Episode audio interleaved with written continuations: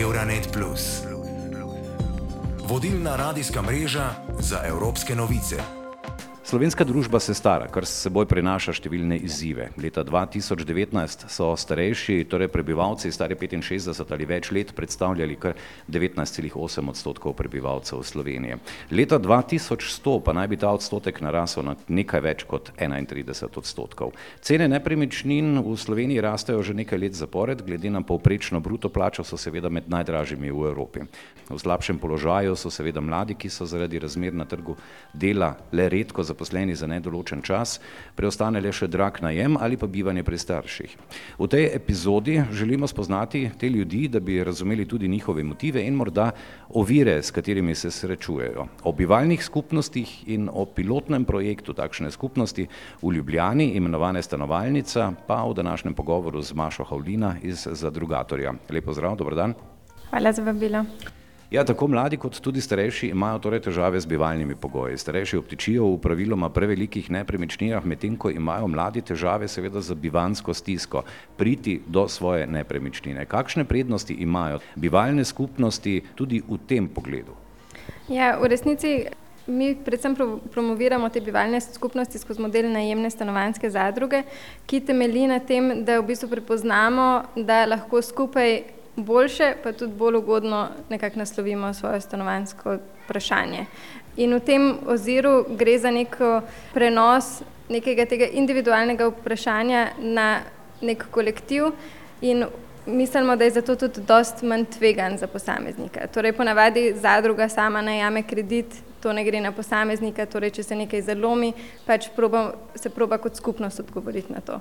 Hkrati pa recimo, in zakaj se tudi zauzemamo, ne je, da v tujini, kjerkoli zadruge so, so vzpostavljeni določeni sistemski mehanizmi, ki jih podpirajo. In to bi bilo ključno vzpostaviti tudi v Sloveniji. Torej, po eni strani grejo to v smeri dostopa do zemljišč ali pa do nepremičnin, ki so prazne, na katerih lahko bodi si zadruga potem zgradi lastno nepremičnino ali pa prenovi obstoječo in ima pravico do uporabe tega. Torej zemljišče ali pa nepremičnina, samo lastništvo lahko ostane v lasti mesta ali pa lokalne skupnosti in na tak način trajno preprečujemo neko špekulativno ravnanje. Medtem ko za samo stavbo pa pač zadruga sama upravlja kot pač je po volji njenim stanovalcem, ki pa vsi skupaj se v bistvu o tem odločajo po zadružnem načelu en član, en glas. V Evropi obstaja že nekaj časa trend, da se ljudje vseh starosti odločajo za skupno življenje v uh, takšnih skupnostnih stanovanjih ali projektih, ki vključujejo torej neko obliko skupnostnega življenja, motivirajo jih okoljska, seveda socialna, tudi finančna vprašanja, kot ste dejali. No, sobivanje v Evropske uniji sicer ni nov pojav, vendar se razvijajo tudi različni modeli, poleg modela ljudi, recimo uh, študenti in pa potem tudi uh, skupnosti, ki so na tak način sestavljene, živijo v eni sami sami hiši se je uveljavil tudi model sostanovanja. Ideja ni v tem, da delimo vse, ampak izbrane elemente, seveda vsakdanjega življenja. Kako je prišlo pri nas do te ideje sobivanja stanovanske skupnosti? Ja, um, v resnici mi, ko smo se začeli ukvarjati z samim stanovanjskim vprašanjem in kako težko ga je dan danes pač nasloviti komorkoli že, ki pač ne biva v primernem stanovanju ali pa pač more prvi rešiti svoje stanovanjsko vprašanje, smo začeli v bistvu odpirati pogled v tujino in kaj tam funkcionira. In tako smo v bistvu prepoznali stanovanjske zadruge kot neka oblika, ki bi jo bilo vredno vzpostaviti in podpirati tudi v Sloveniji. Sicer smo že imeli ne, neko zgodovino stanovanjskega zadružništva, ampak ta model, o katerem pač danes govoriva, je vsem precej drugačen kot tisto, kar smo imeli, kjer je šlo predvsem v bistvu za neke davčne olajšave in kako ceneje priti potem do lastniškega stanovanja. Tukaj pač govorimo v bistvu o ja, nekem skupnostnem momentu in o vzpostavljanju stanovanj, ki ne bodo podvržene, podvržene špekulativnim ravnanjem na trgu, ampak se želijo trajno ohranjati kot najemna stanovanja in kot dostopna stanovanja, pri čemer pač je si v zadrugi hkrati postavljen v ta položaj, da si hkrati najemnik in lastnik, ker skupaj z vsemi ostalimi, ki stanujejo tam notri, si pa tudi lastnik in zato pač imaš dosti večjo besedo, ne, tudi pri tem, kako se bo tam živelo, pa veš, da nobene spremembe se ne morejo zgoditi na hiter, brez da bi um, za to vedel. No, in znotraj tega smo potem tudi gledali tipologije drugje in tudi tipologije stanovanj. In recimo v krajih, kjer pač je zadružništvo že bolje vzpostavljeno, so se tudi kot izredno dobra praksa vzpostavlja ta skupnostna stanovanja, ki lahko imajo večjo ali manjšo mero pač individualnih in skupnih prostorov mi ne predvidevamo, da vsak, ki bi bival v vem, stanovanjski zadrugi, bi bival v to vrstnem stanovanju, ker se nam zdi, da res za to moraš imeti željo in biti sposoben na tak način bivati. In vidimo to rešitev predvsem tudi kot primerno recimo za starejše ali pa za mlajše, ki še ne razmišljajo recimo ki mogoče še ne rabijo toliko lastnega prostora. No? In pri teh stanovanjih gre pa ponavadi za to, da imaš ti eh, lastno sobo in kopalnico, to se nam zdi minimum, Eh, po možnosti pa tudi nek manjši dnevni kotiček ali pa čajno kuhno. Medtem ko si potem večjo dnevno sobo in pa kuhinjo jedilnico deliš recimo še s tremi, štirimi drugimi sostanovalci. In tukaj ja, je tudi v bistvu velik interes strani starejših, da bi šli v kaj takega. Začelo se je v Severni Evropi pred nekaj desetletji in se zdaj razvija proti jugu. Ena in pol odstotka danskega prebivalstva, okoli 50 tisoč ljudi, živi v sostanovanjih, zaradi česar so stanovanja s časoma postala tudi vse bolj zelena, zagotovo pa manjša, kot so bila pred 30 leti. Kakšne so izkušnje drugot po svetu, v Evropi, Kaj se lahko naučimo iz teh izkušenj, zgledov?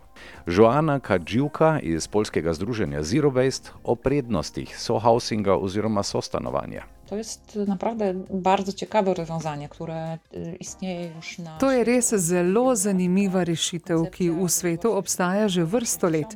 Ta koncept se je rodil že v 60-ih letih 20. stoletja na Danskem, vendar ne obstaja le tam, saj se s cohousingom ukvarjamo tudi na švedskem, nizozemskem, v Nemčiji ali Angliji. Na polskem je to tema, ki se šele razvija. Seveda že obstajajo organizacije oziroma arhitekturni biroji, ki se trudijo ustvarjati ustvariti takšne prostore. Na drugi strani pa seveda obstaja ideja, da je co-housing, sobivanje, nastalo na valu nezadovoljstva s ponudbo stanovanj, ki je na trgu. No, in to sobivanje nam daje možnost, da živimo po svoje, da oblikujemo ta skupni prostor tako, kot nam je všeč da bo lepo zbirališče, da bomo v takem prostoru lahko skupaj kuhali in jedli obroke, da bomo lahko skrbeli za vrt, kjer bomo gojili užitne rastline, ki jih bomo potem samo uporabljali. Torej je to tista naložba, ki po eni strani daje priložnost za ponovno vzpostavitev družbenih vezi, da smo manj anonimni, po drugi strani pa je tudi velik plus za okolje. No, saj če investiramo v tako večjo skupino, potem moramo z izgradnjo tega skupnega prostora vsaj manj porabiti za gradbeni material. Če sami pridelujemo hrano, je jasno, da je čim bolj lokalna. To vedemo, da to je jak najbardziej, jak najbardziej lokalne. Haroldas Želuda, študent, ki živi v Litvi skupaj z nekaj sošolci in prijatelji, pravi, da se je skupnim življenjem mogoče čim bolj izogniti tudi zavrženi hrani. Po besedah mladeniča skupaj so stanovalci ne kupuje samo hrane, ampak skuha tudi zajtrk in večerjo, tako da običajno porabijo vse ostanke. Pavyzdžiui, ta pati maišo tarša, man atrodo, kad tikrai saliginai. Ne... Naprimer, isti odpadki hrane. Zdi se mi, da se je število zavrženih izdelkov res precej zmanjšalo, saj se običajno, ne samo pri načrtovanju večerja ali istih zajtrkov, večino izdelkov, ki jih imate v hladilniku, porabi. Vsi smo ljudje, vsi imamo različne potrebe, različne okuse, ampak večinoma se skušaš prilagoditi drug drugemu in poskušaš to vsebino nekako odstraniti, da bi bilo konec koncev bolj trajnostno in ti ni treba metati stran hrane. V Sloveniji poznamo le nekaj bivalnih skupnosti. Kakšne so izkušnje s tem, recimo pri nas? Kako uspešne so tudi tiste, ki jih poznamo? Recimo? Ja, v Sloveniji imamo to res eh, zaenkrat zelo malo primerov nekih dobrih praks. Ena od prvih, oziroma mogoče celo prva, ki se je vzpostavila in dobro zaživela, je skupnost na Davči, kjer je v bistvu lastnik. Predhodno je bilo to um, turistično kmetija, v resnici se je s turizmom ukvarjal, kar pomeni, da je že infrastruktura ponujala sobe z kopalnicami, In se je torej lastnik in upravnik Peter Prezel odločil, da to raje ponudi v bistvu za bivanje starejših. Do danes je v bistvu, so vse kapacitete polne, um, in se vzpostavlja skupnost, ki v resnici zelo dobro funkcionira. Mislim, da nekaj stanovalcev se je že zamenjalo in tako dalje, ampak načeloma so ljudje zelo zadovoljni tam. Gre za en specifičen primer, ki je res eh, zelo odročen in je tudi um, marsikomu je recimo nepredstavljivo, da ne bi mogel iti sam v trgovino, ne? da moraš za to prositi za prevoz ali pa pač, če imaš slučajno avto ali pa te nekdo pelje, no? ampak ni upleteno tako integrirano v, neko, v nek kraj. Tako da je specifičen primer, ampak eh, načeloma ljudje, ki tam bivajo, jim tudi ustreza to in tudi je zelo lep kraj in ponuja pa več različnih aktivnosti, kar se tiče vem, dela okrog hiše, na vrtu, z živalmi in tako dalje. In načeloma se mi zdi, da je vsako stanovalcu tam našel neke svoje opravke, naloge, ki pač jim polnijo čas in tudi bogatijo. No, tukaj smo tudi že pri uh, vašem konceptu oziroma tudi pri vaši zgodbi sobivanja. Torej, oblikovali ste lasten idejni koncept stanovalnice za Ljubljano. Trenutno v kakšni fazi je sam projekt oziroma kje ste zaenkrat? Ja, um, v bistvu smo mi pripravili vse te podlage in raziskali, kako bi to funkcioniralo. Pripravili smo tudi v bistvu en tak, rečemo temu, študijski projekt v sodelovanju z študenti fakultete za arhitekturo in fakultete socialnega dela in zastavili v bistvu en primer, kako bi to lahko izgledalo, ga skupaj preverjali z interesenti.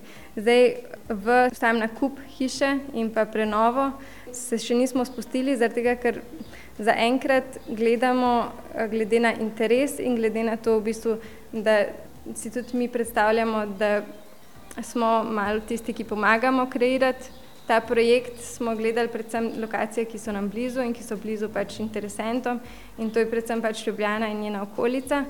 In zaradi v bistvu samega stanja cen na stanovanskem trgu in zaradi tega, ker v Sloveniji še nimamo vzpostavljenih mehanizmov, ki bi podpirale v bistvu take projekte, se še nismo spustili v nakup ker v trenutnih pogojih ne bi mogli tega izvesti na dovolj dostopen način. Tako da zdaj v bistvu skupaj z interesenti se srečujemo in iščemo načine, kako izpeljati en tak projekt, kako tudi najti primerne vire financiranja in spodbuditi tudi odgovorne, da vzpostavijo mehanizme, ki bodo omogočali v bistvu zagon to vrstnih sobivalnih skupnosti kdo so recimo potencijalni stanovalci oziroma kakšne so uvire za postavitev teh bivalnih skupnosti. Zdaj ste rekli trenutno tudi situacija, predvsem zaradi cen nepremečnin, s kakšnimi težavami se srečujete recimo ravno pri tem uh, ustanavljanju takšne skupnosti? To je res en velik problem, da v Sloveniji pač so cene ob odsotnosti neke resne aktivne stanovanske politike šle, mislim, vsako leto podirajo nove rekorde. Pri takih cenah je v bistvu tudi nakup neke hiše, ki rabi recimo veliko obnove, če je na neki primerni lokaciji izredno drago. Tukaj gre v osnovi pač za idejo, da skupaj pač financiramo ta nakup in prenovo. To pa pač temelji na tej neki lastni udeležbi, ki jo lahko udeleženci pač, oziroma bodoči stanovalci sami dajo. Potem se lahko to dopolnjuje ne vem, z nekimi mikrokrediti, ki se jih lahko pridobiva prek podpornikov, sorodnikov in tako dalje, ki bi bili pripravljeni mogoče pod nekimi malo bolj ugodnimi pogoji tudi investirati v kaj takega in na tak način podpreti. Ampak večji del pa še vedno ponavadi pač predstavlja nek kredit, In tukaj se recimo tako pri vzpostavljanju večjih medgeneracijskih stanovanjskih zadrug, kot pri vzpostavljanju recimo nekih takih manjših zadrug, kot bi bila stanovalnica, soočamo s tem, da pač v Sloveniji zadruge še niso na tak način vzpostavljene, da imajo banke lahko neke skepse pred novimi oblikami, eh, ki tudi ne temelijo na tem, da boš ustvarjal z njimi hitre profite, ampak pač želijo dolgoročno naslavljati stanovanjski problem um, in ponujati pač neke kakovostne rešitve za ljudi. In pa tudi s tem, da v Sloveniji eh, nimamo recimo razvitega etičnega bančništva, kar je velik in pomemben faktor tudi kje drugje, kjer se taki projekti lahko razvijajo. Recimo to radi omenimo pač v Barceloni oziroma tudi širše v Španiji. Do nedavnega ni bilo razvitega zadružništva stanovanjskega in nimajo te dolge tradicije, ki ponavadi hitro rečemo. Vem, damo primer Švice, pa rečemo, ja, oni imajo že sto let, to, to ne moramo primerjati. No, v Španiji tega ni bilo, ampak so v bistvu samo organizirane skupine ravno ob podpori tega nekega uh, etičnega bančnega sektorja lahko prišle do prvih projektov. Hkrati pa je tudi v bistvu mesto no, na nek način dalo podporo spoh prvi, prvim projektom. In ker so se izkazali v bistvu za tako kakovostne, Barcelona vsako leto v bistvu ponuja zemljišča in nepremičnine za razvoj tovrstnih projektov 2019 je bila useljena prva tovrstna nova stanovanska zadruga v Barceloni, do danes imajo že več kot 20 projektov izvedenih oziroma v teku.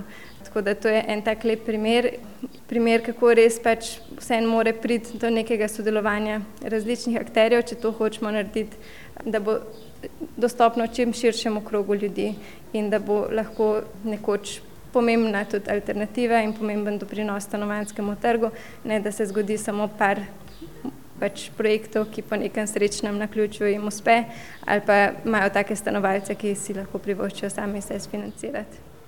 Maša Holina je zadrugatorja o bivalnih skupnostih in pilotnem projektu Stanovalnica. Hvala lepa za pogovor in veliko uspeha pri organizaciji takšne bivalne skupnosti tudi v bodoče in da bi bilo veliko posluha seveda tudi na strani tistih akterjev, ki so pomembni, da kaj takega zaživi. Hvala, me je veselilo.